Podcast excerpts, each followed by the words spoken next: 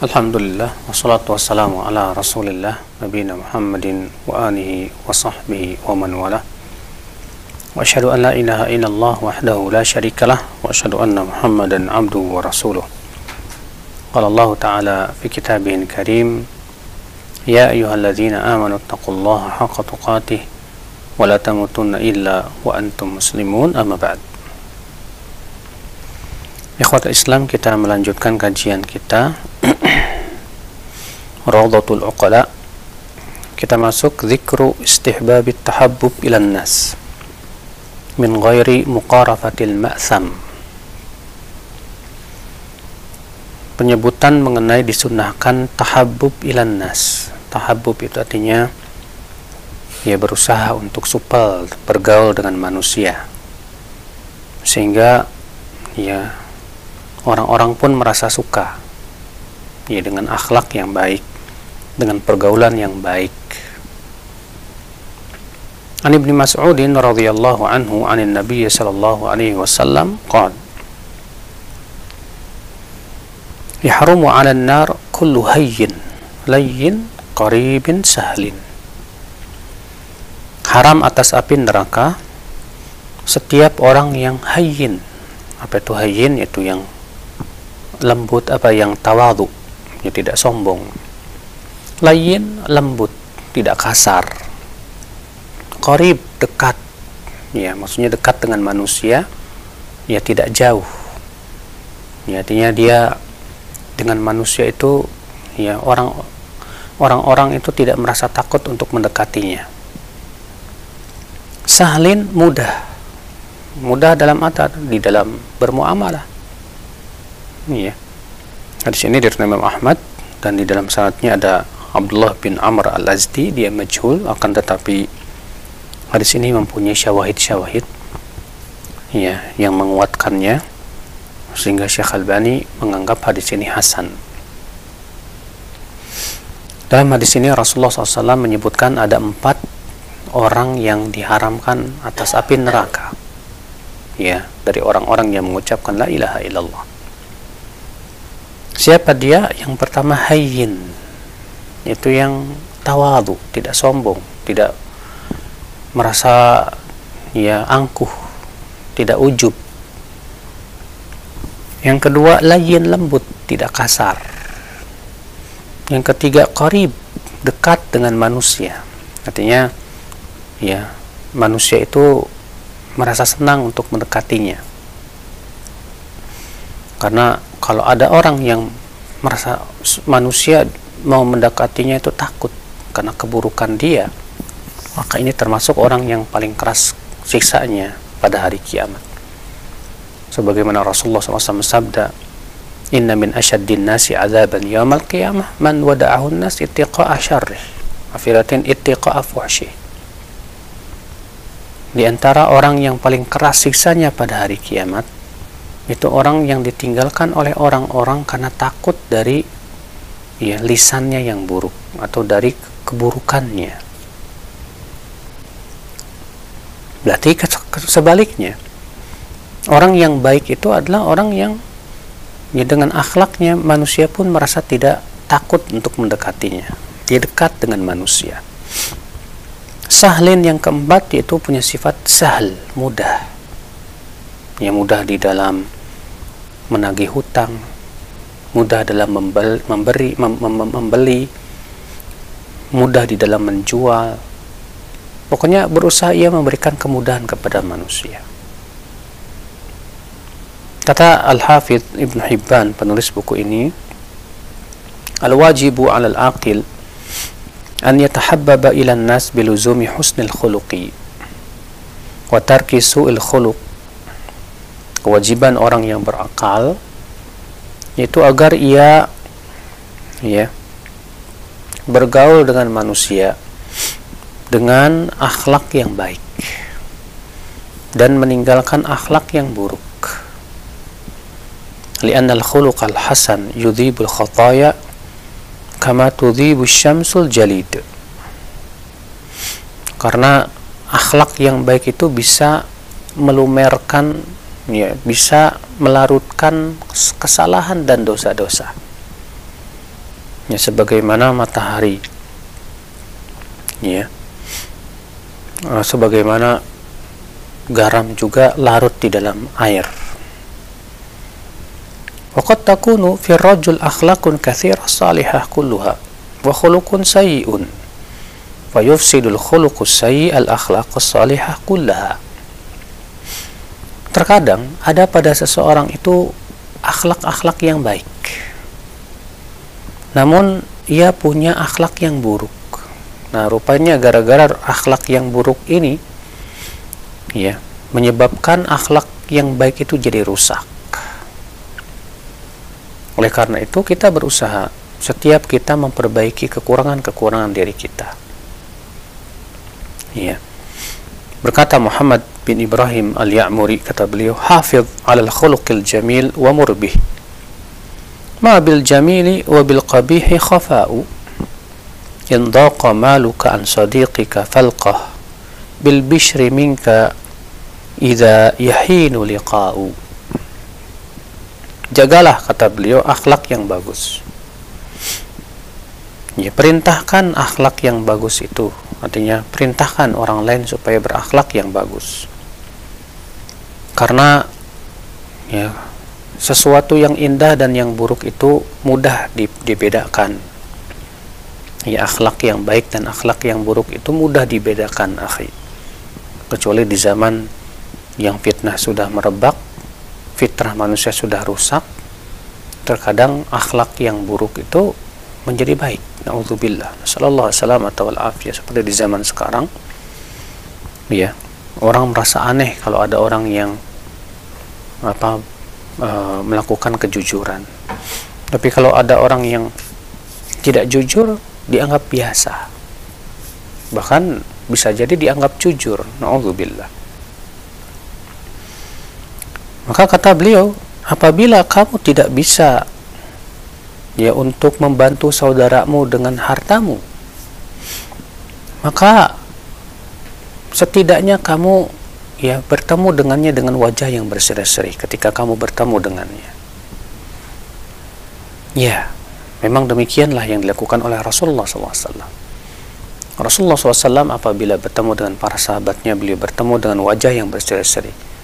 Bukan wajah yang cemberut ya bukan wajah yang bermuka masam ya Rasulullah SAW bahkan pernah ditegur oleh Allah dalam ayat yang terus dibaca sampai hari kiamat. Allah berfirman, "Abasa wa tawalla an ja'ahul a'ma." Wa ma yudrika la'allahu yazakka. Abasa wa tawalla. Muhammad bermuka masam dan berpaling. Kenapa? Karena datang kepadanya orang buta. Lihat Rasulullah SAW bermuka masam dan berpaling dari orang buta. Ditegurlah oleh Allah. Bagaimana kalau kita bermuka masam dari orang yang melek ya tentu itu lebih buruk lagi. Kata beliau at-tahabbub ila nas ashal ma yakunu wajhan wa adhar ma yakunu bishran. Ya bergaul dengan manusia at-tahabbub ila nas. Yang paling mudah itu pada wajah. Yaitu dengan memperlihatkan ya wajah yang berseri-seri. Kalau kita ketemu sama teman terlihat wajahnya tersenyum manis tentu kita akan merasa senang kepadanya. Tapi kalau kita bertemu sementara ia cemberut dengan alasan jaim jaga image ya tentu orang pun juga jadi malas. Ya maka dari itu jangan menganggap remeh tersenyum kepada saudara kita sesama muslim. Ya pertama itu adalah merupakan sodakoh kata Rasulullah SAW tabassum fi wajhi akhika sodakoh tersenyum, tersenyum di wajah saudaramu itu sodakoh sudah begitu dengan seperti itu kita menjadi dekat dengan manusia ya dan tidak jatuh manusia pun tidak canggung untuk mendekatinya artinya untuk ya bergaul dengan kita. Ya, sehingga akhirnya kita masuk ke dalam salah satu sifat yang Rasulullah sebutkan tadi orang yang diharamkan dari api neraka. Kata beliau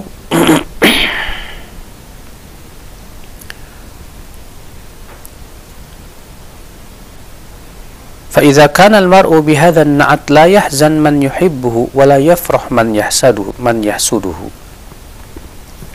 ya kata beliau menyebutkan tentang sifat-sifat yang baik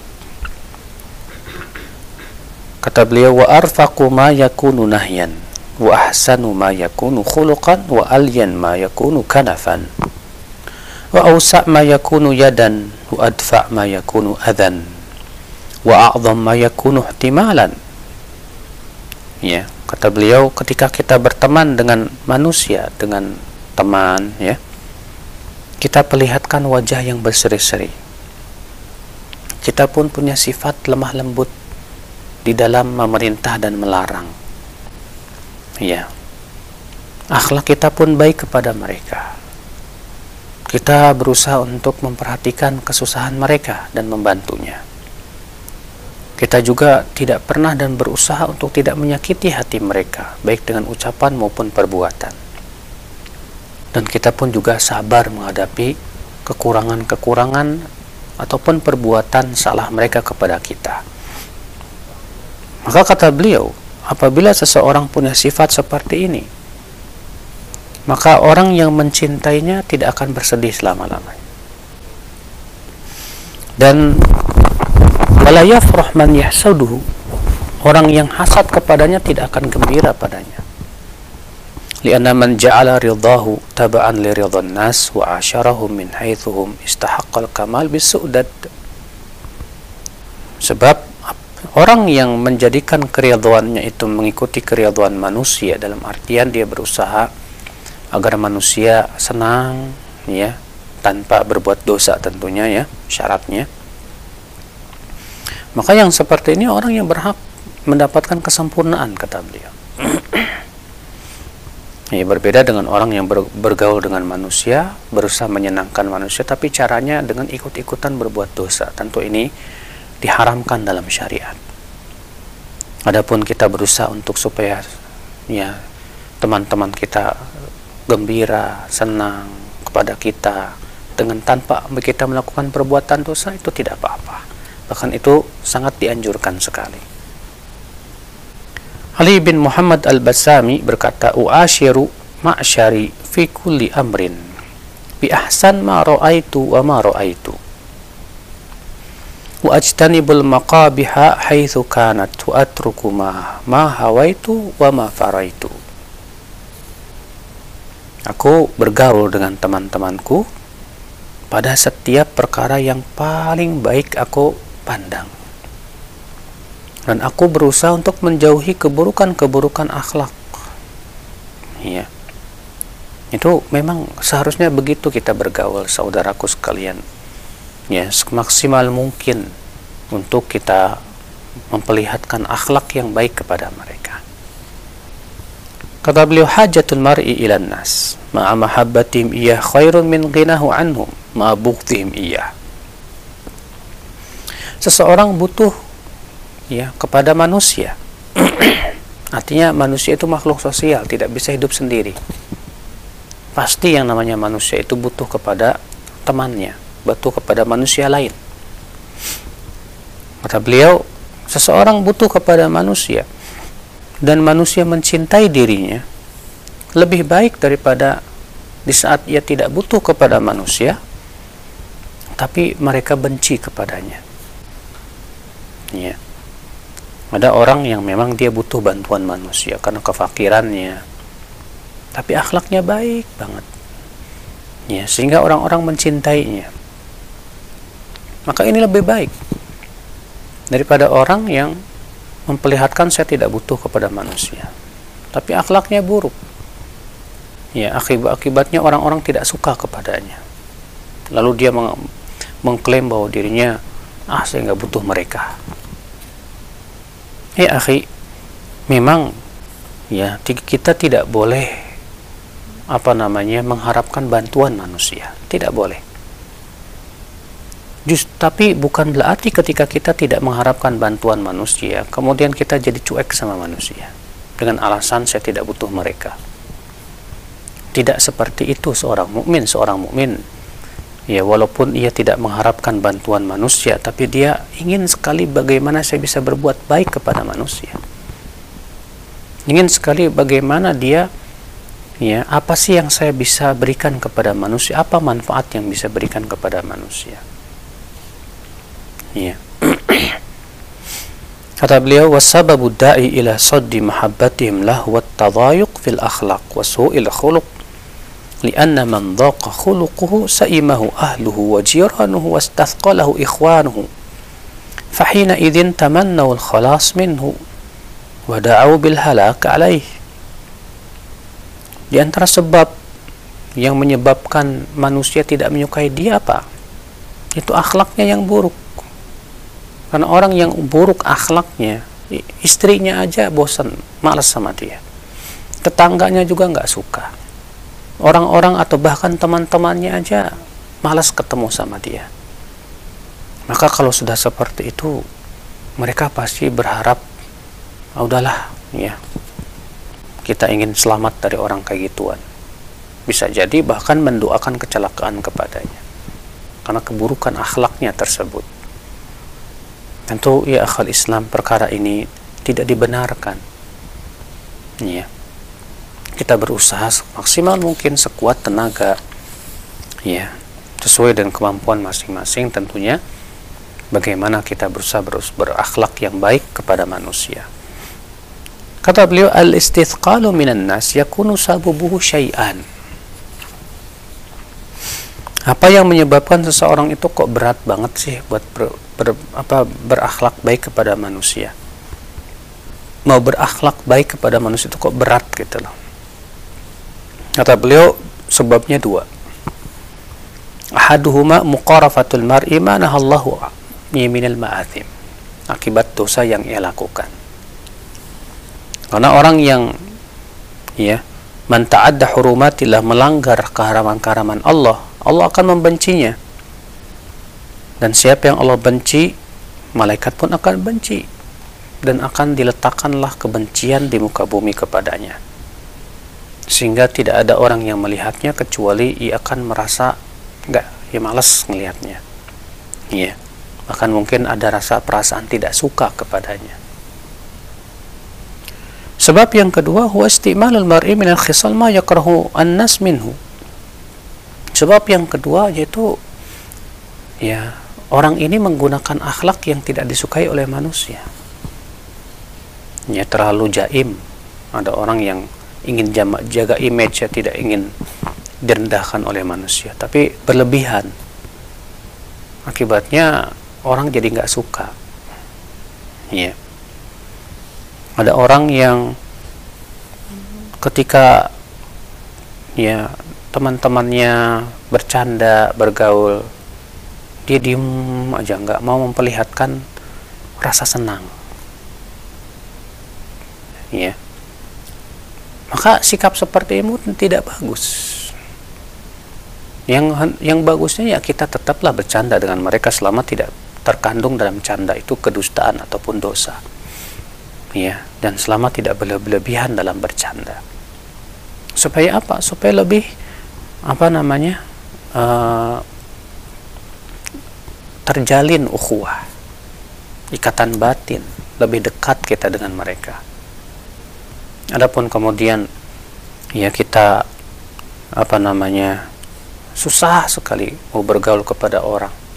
Berat hanya karena alasan-alasan yang sebetulnya tidak syar'i. Ya maka akibatnya kemudian ia dijauhi manusia tentu ini menjadi keburukan buat dia. Kata beliau al-wajibu 'alal aqili mujanabatul khisal allati turithuhu istithqalan nasi iya. Kewajiban orang berakal menjauhi perangai-perangai yang menyebabkan orang itu jadi berat bergaul dengan kita. Ya. Wa mulazamatul khisal allati tuaddihi ila mahabbatihim iyyah. Dan kita berusaha juga ini kata beliau untuk memiliki perangai-perangai yang menyebabkan mereka mencintai kita tanpa ingat tanpa kita melakukan berbuat dosa ya waman wa min a'zam ma yutawassal bihi ila nas wa yastajlibu bihi mahabbatuhum al-badlu lahum dan di, di antara cara yang paling mudah dan paling besar untuk menarik simpatik manusia dengan cara apa? Memberi mereka. Ya. Memberi mereka, membantu mereka. Ketika kita melihat teman kita susah, kita bantu. Ketika kita melihat saudara kita ya ada kebutuhan kita bantu. Ketika kita makan bersama, kita traktir ketika kita senantiasa berusaha ya memberi itu masya Allah orang akan suka kepada kita berbeda dengan orang yang sifatnya hanya sebatas ya apa minta aja berharap apa dibayarin. Ya berharap dia dikasih. Sehingga akhirnya dia mengharapkan bantuan orang aja. Pasti orang tidak suka kepada dia. Ya makanya disebutkan dalam hadis bahwa Nabi Shallallahu Alaihi Wasallam ya ditanya oleh seorang sahabat wahai Rasulullah beritahu aku amal yang apabila aku lakukan Allah mencintai aku manusia pun mencintai aku kata Rasulullah izhad fid dunya yuhibbukan yuhibbukallah wazhad fi ma dan nas yuhibbukan nas zuhudlah di dunia niscaya Allah akan mencintai kamu. Dan zuhudlah terhadap apa yang dimiliki oleh manusia. Niscaya manusia akan mencintai kamu. Iya. Makanya Rasulullah SAW juga ketika ditanya dalam hadis yang dihasankan oleh Syekh Al-Bani rahimahullah ya, siapa sih ya Rasulullah manusia yang paling dicintai oleh Allah? Kata Rasulullah, anfa'uhum linnas, yang paling bermanfaat untuk manusia. Maka ini menunjukkan bahwa seorang mukmin itu seharusnya ya berusaha bagaimana dia memberikan manfaat kepada manusia, bukan sebatas dia bagaimana memanfaatkan manusia. Ini sebuah kesalahan besar. Ya. Kita berusaha semaksimal mungkin, sekuat tenaga ya, agar tidak menjadi tangan kita tidak menjadi selalu di bawah gitu. Karena Rasulullah mengatakan tangan di atas lebih baik daripada tangan di bawah. Ya Taib masa kira cukup. Sampai di sini kita buka tanya jawab. Ya nah kami angkat terlebih dahulu ada pertanyaan dari Rudi yang berada di Semarang Assalamualaikum warahmatullahi wabarakatuh ya Ustaz Bagaimana jika tidak disukai atau dijauhi karena menyelisihi teman yang masih berbuat bid'ah Ustaz? Bagaimana sikap kita? uh, tentu kalau kita tidak mau mengikuti kebid'ahannya gara-gara itu kita tidak kita dijauhi sama orang maka kita tidak salah kita ter, tidak termasuk hadis yang disebutkan ya sesungguhnya orang yang paling keras siksanya pada hari kiamat yaitu ya orang-orang yang ditinggalkan manusia karena takut keburukannya kita tidak berbuat buruk kita hanya sebatas meninggalkan kebidahan namun tetaplah kita berakhlak yang baik kepada mereka. Ya, berusaha untuk memperlihatkan bahwa sunnah itu indah. Karena kita hidup sekarang ini di zaman yang penuh dengan kebo apa kebodohan. Yang penuh dengan fitnah. Kalau kita perlihatkan sikap cemberut, ya, manusia akan malah semakin menjauhi kita. Maka tetap kita berakhlakul karimah kepada mereka ya kalau mereka ber, bersikap buruk kepada kita kita tidak boleh membalas sikap buruk dengan sikap buruk tapi kita berusaha semaksimal mungkin ya membalas sikap buruk tersebut dengan kebaikan ya Allah a'lam Nah, baik. Ya, khair. Demikian untuk Rudi yang berada di Semarang. Dan selanjutnya masih kami berikan kesempatan. Silakan. Halo, Assalamualaikum. Waalaikumsalam warahmatullahi wabarakatuh. Dengan siapa di mana? Uh, saya dari Umul di uh, Serang. Iya, silakan. Uh, mau tanya. Iya, silakan. Uh, kalau saya kan uh, apa namanya? Ya. Karena ada saudara gitu misalnya apa namanya? Uh, suka minta tolong, tapi sebenarnya ya, saya mau menolong. Benar saya mau menolong gitu, Ustaz ya. Tapi ketika ditolong itu uangnya kadang-kadang bukan buat apa namanya yang benar-benar dibutuhkan. Misalnya buat iya. SPP sekolah bapak tapi kadang-kadang juga dipakai juga tapi lebihnya lebih ke nah jadi pertanyaan saya pertanyaannya uh, gimana tuh Ustaz apakah saya harus kalau dia minta lagi saya kasih apa Iya. gimana caranya Baik. Ustaz? terima kasih Ustaz Baik. Ibu wabarakatuh. bagaimana Ustaz? Nggak paham Eh, ada saudara yang selalu minta tolong tapi ternyata eh, pertolongan itu eh, tidak digunakan dengan baik contohnya misalkan uang digunakan dengan hal yang yang kurang baik katanya nah bagaimana jika dia mi- minta tolong lagi eh, apakah kita akan eh, kota boleh kasih lagi atau bagaimana? Kalau kita bantu dia minta bantuan ke kita tapi malah digunakan untuk berbuat maksiat. Tidak boleh kita bantu lagi. Iya.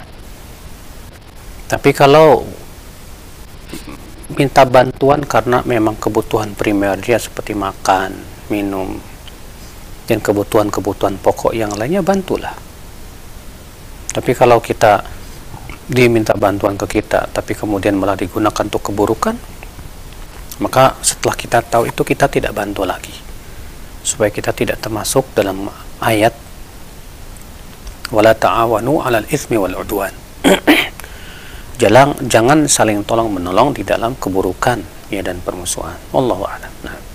Halo, Assalamualaikum Ustaz. Waalaikumsalam warahmatullahi wabarakatuh dengan siapa di mana Pak? Pak Ahmad Yani di Rohul. Pak Ahmad di Rohul di Rohul di mana itu Pak? Rohul Riau, Pak. di Riau silakan Pak Ahmad Oh, mohon maaf agak di luar tema sedikit, Pak Ustaz. Silakan, silakan langsung ke ini pertanyaan Pak Ah, ya. Ah, di tempat saya itu bangunan masjid itu tempat imam itu agak ditinggikan agak-agak setengah jengkal, sejeng ada yang sejengkal. Ustaz, gimana hukumnya tuh Ustaz? Apa Iya. dibenarkan atau gimana itu Ustaz? Baik, itu saja Pak ya. Terima Ya. kasih banyak Pak Ahmad yang berada di Riau. Nah, silakan Ustaz. iya makro hukumnya imam ya tempatnya lebih tinggi daripada makmum iya bahkan ada sebagian sahabat yang mengingkari ya imam yang ia berada lebih tinggi tempatnya terkecuali kalau ya ada satu maslahat dalam rangka memberikan tata cara apa contoh yang benar dalam tata cara sholat. Karena disebutkan dalam satu riwayat yang sahih bahwa Rasulullah SAW pernah sholat di atas mimbar. Kemudian ketika beliau hendak sujud beliau mundur dan turun dan sujud di bawah. Ketika beliau berdiri beliau naik lagi ke mimbar. Lalu beliau ruku kemudian sami Allahu liman hamidah. Kemudian ketika hendak sujud beliau turun lagi ke bawah dan sujud di bawah. Itu beliau lakukan sengaja ya untuk eh, memperlihatkan bagaimana tata cara sholat yang benar. Itu sekali-kali saja Adapun kemudian jadikan kebiasaan di mana tempat imam lebih tinggi daripada makmum maka ini perkara yang makruh. Wallahu. Nah. Ya, nah baik sekarang silakan atas jawabannya demikian untuk Bapak Ahmad yang berada di Riau. Dan selanjutnya eh, kami beralih kembali di layanan pesan singkat ada pertanyaan. Ya dari dua pertanyaan sedaya yang kami eh, ambil. Assalamualaikum warahmatullahi wabarakatuh. Ya Ustadz, eh, bagaimana seharusnya kita memilih lingkungan? Apakah lebih utama kita berkumpul dengan lingkungan yang di situ hampir rata-rata mengenal sunnah, ataukah kita baiknya berbaur dengan masyarakat secara keumuman? Tergantung kemampuan kita. Ada orang yang punya kemampuan untuk bergaul di mana kalau ia bergaul maka orang-orang bisa ia warnai. Iya, maka tentu ini lebih baik. Sebagaimana sabda Nabi wasallam, "Alladzi yukhalitun nas wa yasbir ala adahum khairun min alladzi la yukhalitun nas wa la yasbir ala adahum." Orang yang bergaul dengan manusia dan sabar ya menghadapi gangguan mereka lebih baik daripada orang yang tidak bergaul dengan manusia dan tidak sabar dengan gangguan mereka. Ya, Artinya di saat ia berbaur berbaur dengan orang, kemudian ia punya sifat memang mampu untuk mewarnai manusia, bagus. dan ia pun tidak khawatir akan terbawa ya atau terpengaruh oleh mereka. Tapi ada lagi jenis orang yang apabila bergaul dengan manusia dia mudah terpengaruh. Mudah terombang-ambing apalagi ilmunya yang masih sangat ya apa namanya uh, ilmunya sangat masih sangat dangkal sekali. Sehingga dikhawatirkan orang seperti ini malah akan terkena syubhat.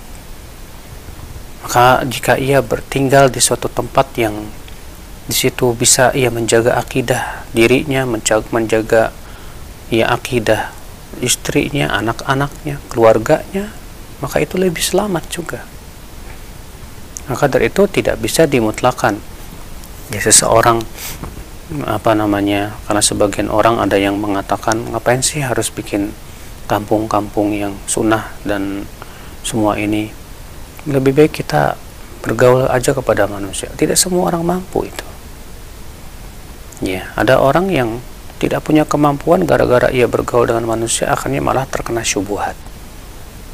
Ya, mudah ia terombang-ambing. Ada orang yang memang punya kemampuan dan kuat kepribadiannya. Maka kita lihat kalau memang kita merasa lemah dan khawatir kita terkena syubhat, ya kita tinggal di suatu tempat yang di situ orang-orang soleh berkumpul sehingga kita pun juga tetap termotivasi di dalam menuntut ilmu kita pun tetap apa namanya bisa menjaga keimanan akidah ketakwaan itu lebih baik ya bagi orang yang seperti itu Allah a'lam. Nah. Baik, sekarang atas jawaban dan nasihat al Ustaz. Ya demikian. Untuk yang bertanya dan selanjutnya ada pertanyaan kembali tidak sebutkan nama tempatnya. Ya Ustaz bagaimana kita menanggapi atau menghadapi teman yang selalu curhat tentang masalah hidupnya? Ya selalu curhat mengenai kekurangan uh, kekurangan dari segi ekonominya Ustaz. Bagaimana cara menangkapinya uh, tentu pertama kita berusaha untuk memberikan bantuan sesuai dengan kemampuan kita. Kalau ada orang yang selalu curhat tentang kesusahan hidupnya maka kita katakan kepada dia saya ingin bantu tapi saya belum mampu. Iya.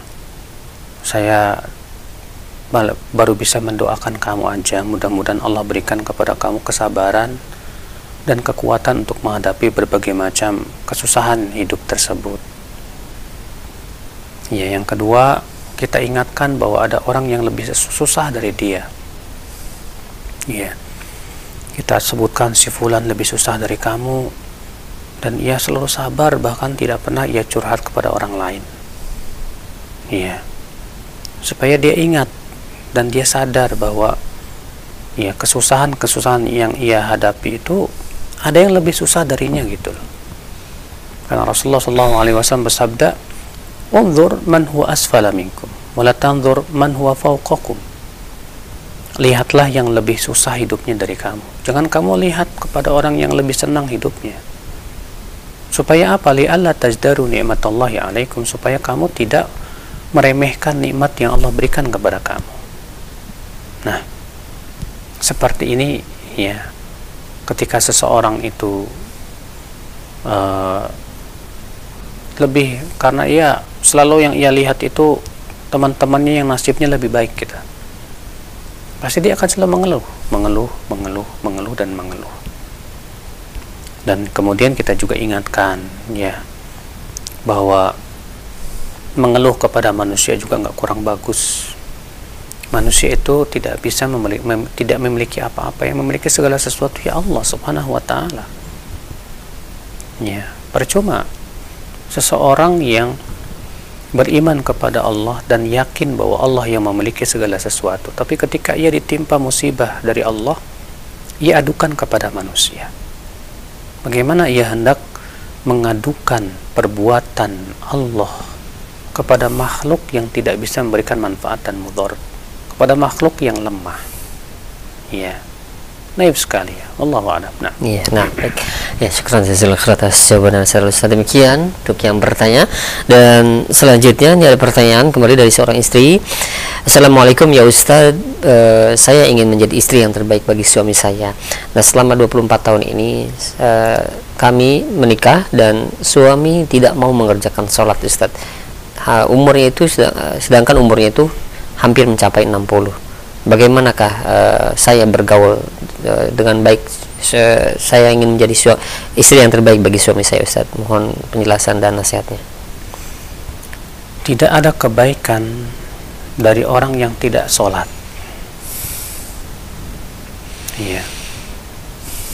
Dan jangan sampai juga seorang wanita ridho apabila suaminya tidak sholat dia ingin menjadi istri yang baik, yang terbaik untuk suaminya, tapi mendiamkan suaminya yang tidak mau sholat.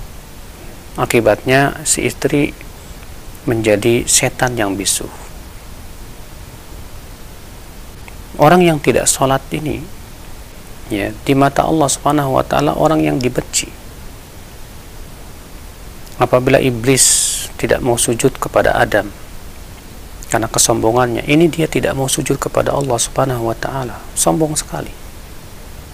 Ini orang yang sangat sombong kepada manusia eh kepada Allah Jalla wa ala.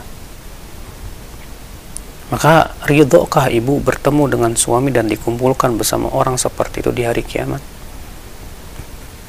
Maka berusahalah ibu berusaha memperbaiki dia. Dengan cara memberikan motivasi keimanan.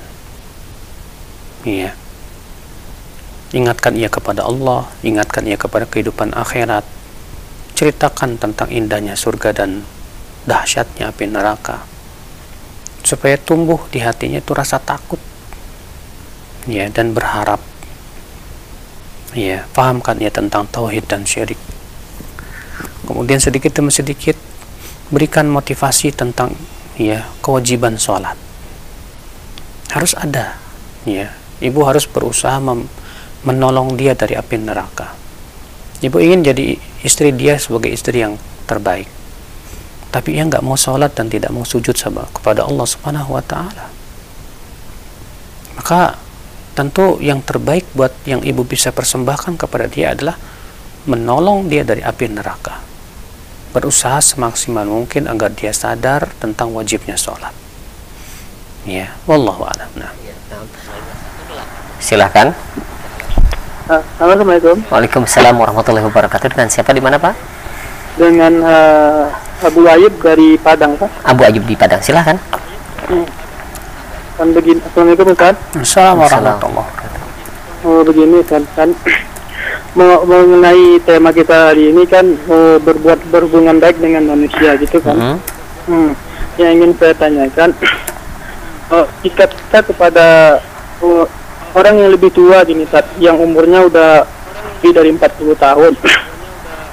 Tapi sifatnya masih kanak-kanakan gitu saat oh, bukannya bersikap mendidik yang kita sebagai yang lebih kecil dari dia. Setiap kalau kita membahas sesuatu itu pasti ada aja uh, hal yang dibicarakan mengenai tentang oh, istilahnya gibah gitu saat setiap kali orang yang curhat dengan dia setelah orang itu pergi datang orang yang baru pasti dia membicarakan orang yang yang yang yang sudah pergi itu. Bagaimana bagaimana sikap kita terhadap orang yang seperti itu Ustaz? So kan uh, terima kasih Ustaz sudah jawabannya. Assalamualaikum warahmatullahi wabarakatuh. Waalaikumsalam warahmatullahi wabarakatuh. Uh, mungkin saya katakan bukan sikap kekanak-kanakan ya, tapi sikap bodoh. Karena sikap seperti itu ya disebut dengan sikap yang bodoh dan menghadapi sikap yang bodoh jangan dihadapi dengan sikap bodoh lagi. Ya Allah subhanahu wa ta'ala ketika mensifati hamba-hamba Allah yang rahman ibadah rahman. Allah berfirman dalam surat Al-Furqan wa ibadur rahmanil ladhina yamshuna alal ardi hauna. Wa idha khatabahumul jahiluna qalu salama hamba-hamba Ar-Rahman adalah yang berjalan di muka bumi dengan penuh ketawaduan, tidak sombong. dan apabila orang-orang jahil orang-orang bodoh ya mengut apa apabila ia diajak bicara oleh orang-orang bodoh ia membalas dengan selamat. Artinya tidak membalas sikap bodoh dengan sikap bodoh lagi. Tapi membalas semua dengan ilmu maka ketika Bapak melihat ada orang punya sifat seperti itu dan Bapak tidak suka maka apakah caranya apakah caranya dengan cara kita kemudian bersikap bodoh lagi dengan menggibah dia lagi atau menyakiti hati dia atau yang lainnya? Tentu tidak. Tapi berusaha kita untuk memberikan contoh yang terbaik kepada dia. Ya kalau bisa kita ajak dia ke majelis ilmu kita perdengarkan apa namanya ceramah-ceramah tentang akhlak ya tentang akidah tentang tauhid yang mudah-mudahan dengan bertambahnya keilmuan dia semakin dia berpikir dan dia faham bagaimana harus dia bersikap. Maka uh, tentu ya menghadapi orang yang bodoh itu bukan dengan cara yang bodoh lagi. Tapi kalau antum menganggap itu sikap kekanak-kanakan berarti antum jangan ikut jadi kekanak-kanakan. Antum menghadapi kanak-kanak harus dengan sikap dewasa. Contohkan kepada dia sikap yang benar. Ya ajak ia untuk duduk di majelis ilmu. Ya Wallahu a'lam. Nah. Silakan halo halo assalamualaikum. Waalaikumsalam warahmatullahi wabarakatuh. Dengan ibu siapa di mana? Ibu Tin di Ternate. Ibu Tin di Ternate silakan. Ya Pertama-tama saya mengucapkan terima kasih kepada Ustadz yang mana telah memberikan nasihat kepada saya tentang eh, bagaimana sikap saya terhadap majelis yang saya tinggalkan kemarin. Nah, ya Ustadz, begini saya hmm. alhamdulillah sudah kembali ke majelis dengan eh, apa? Setelah saya kembali ke majelis itu. Ustadz, saya mendapatkan mereka membaca apa nama tahsim dan berjanji. Apakah itu ada hadisnya? Kemudian saya datang, saya hanya mengajarkan Al-Quran kepada ibu-ibu yang masih di Ikro kemudian saya langsung pulang kira-kira sikap saya itu benar Ustaz nah, terima ya. kasih Baik.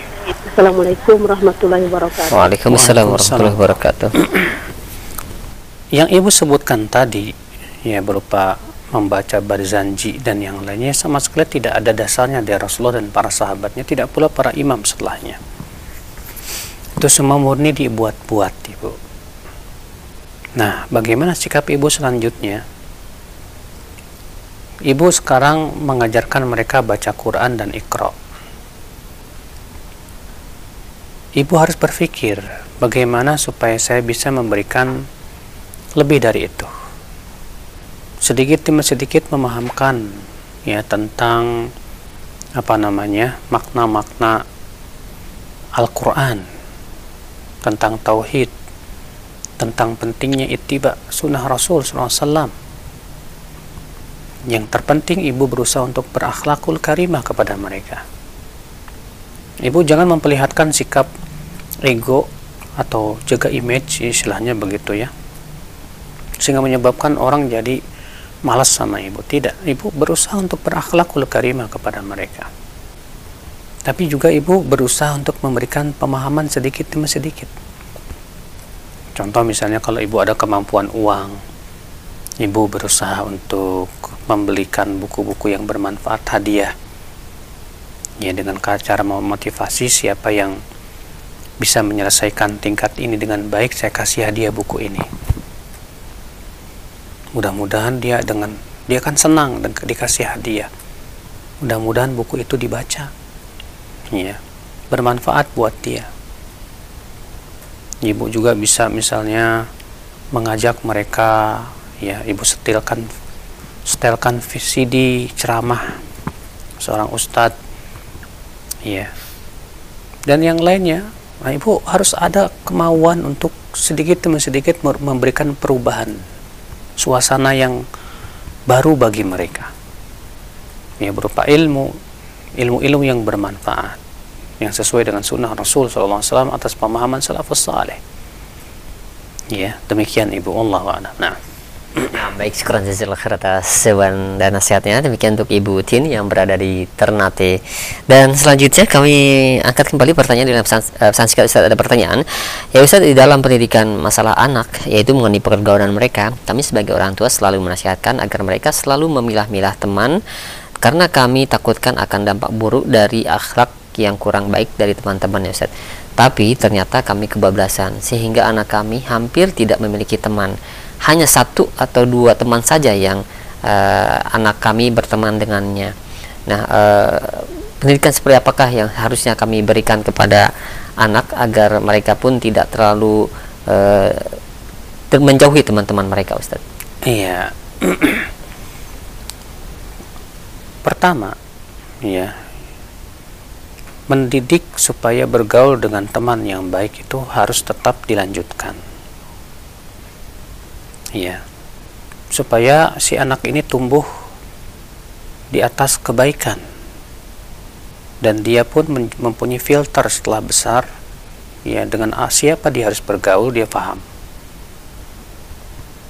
yang kedua berteman itu tidak syarat harus banyak-banyak teman kalau dia punya satu atau dua tiga teman yang akrab itu sudah cukup.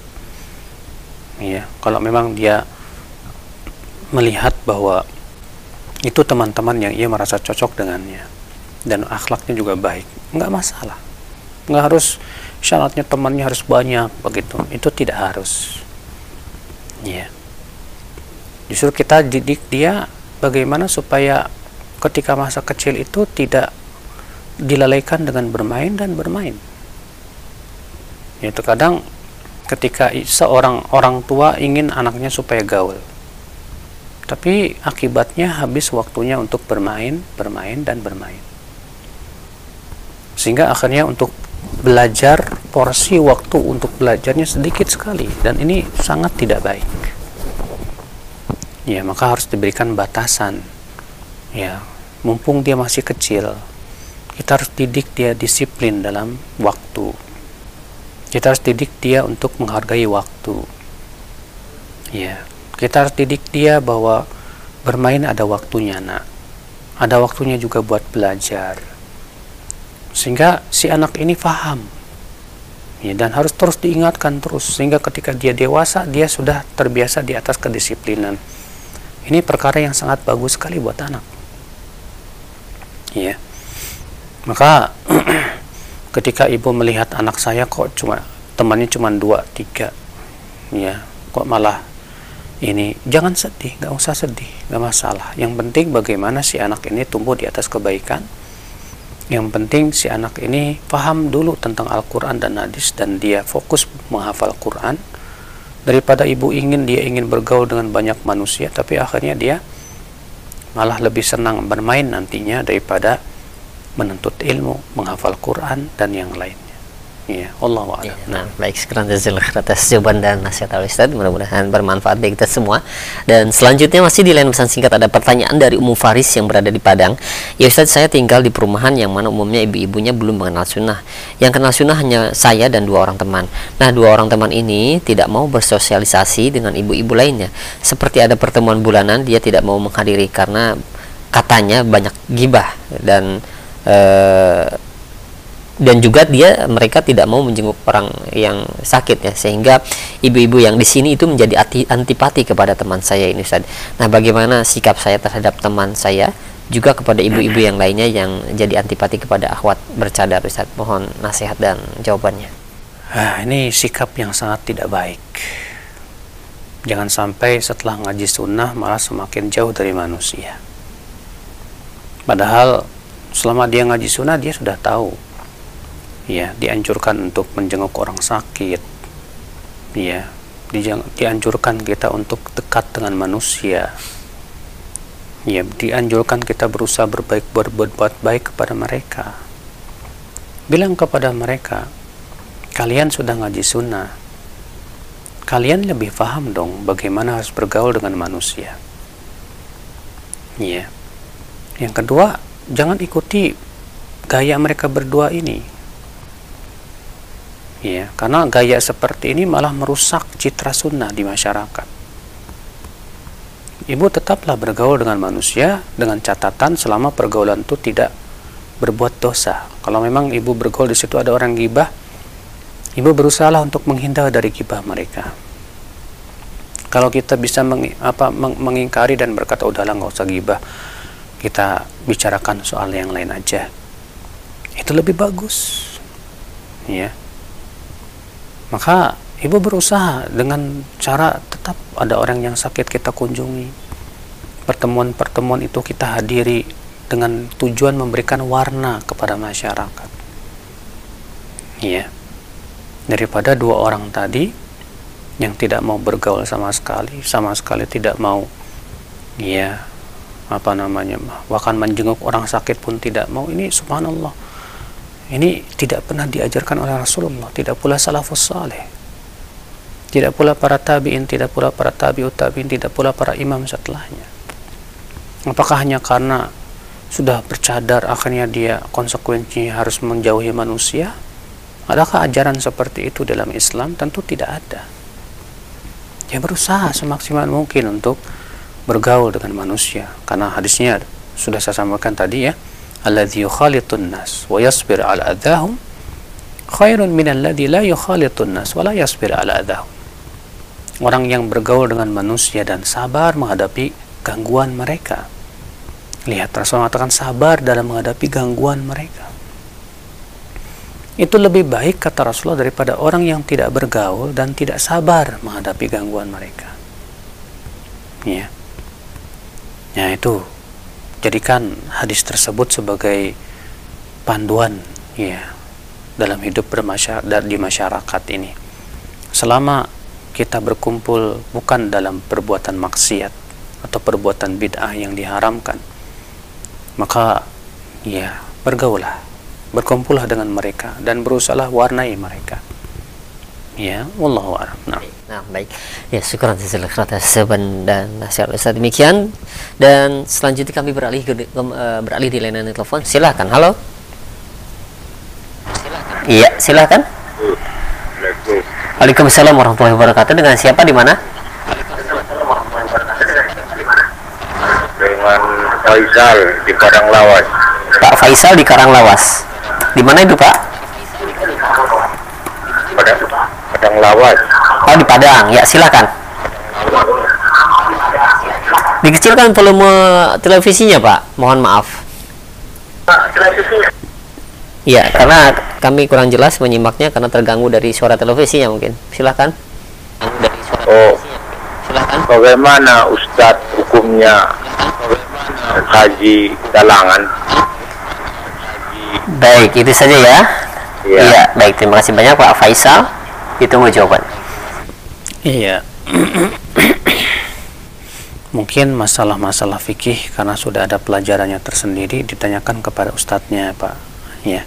Dalam hal ini Dr. Erwandi Tarmizi di hari setiap hari Kamis uh, pagi dan juga Dr. Musyafa Ad-Darini di setiap Senin pagi ya itu pembahasan khusus fikih jadi tolong ditanyakan masalah-masalah fikih pada ahlinya. Nah.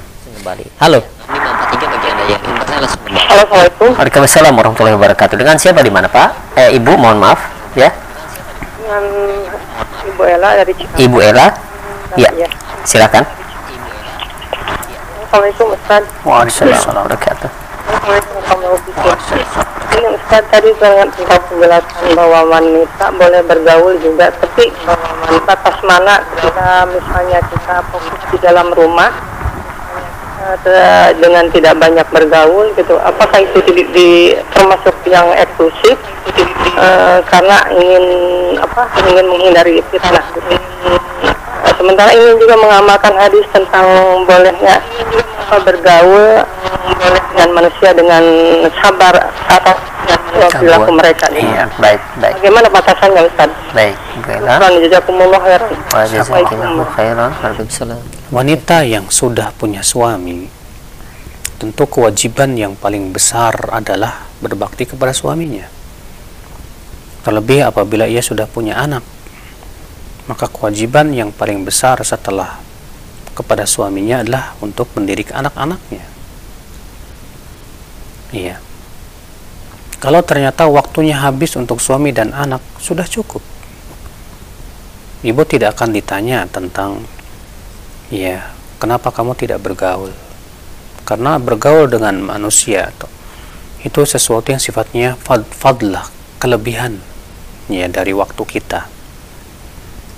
Tapi kalau ternyata ibu waktunya habis untuk suami untuk anak-anak ya untuk mengurus rumah dan yang lainnya sehingga habis waktunya untuk di rumah saja. Ya sudah sudah cukup kok.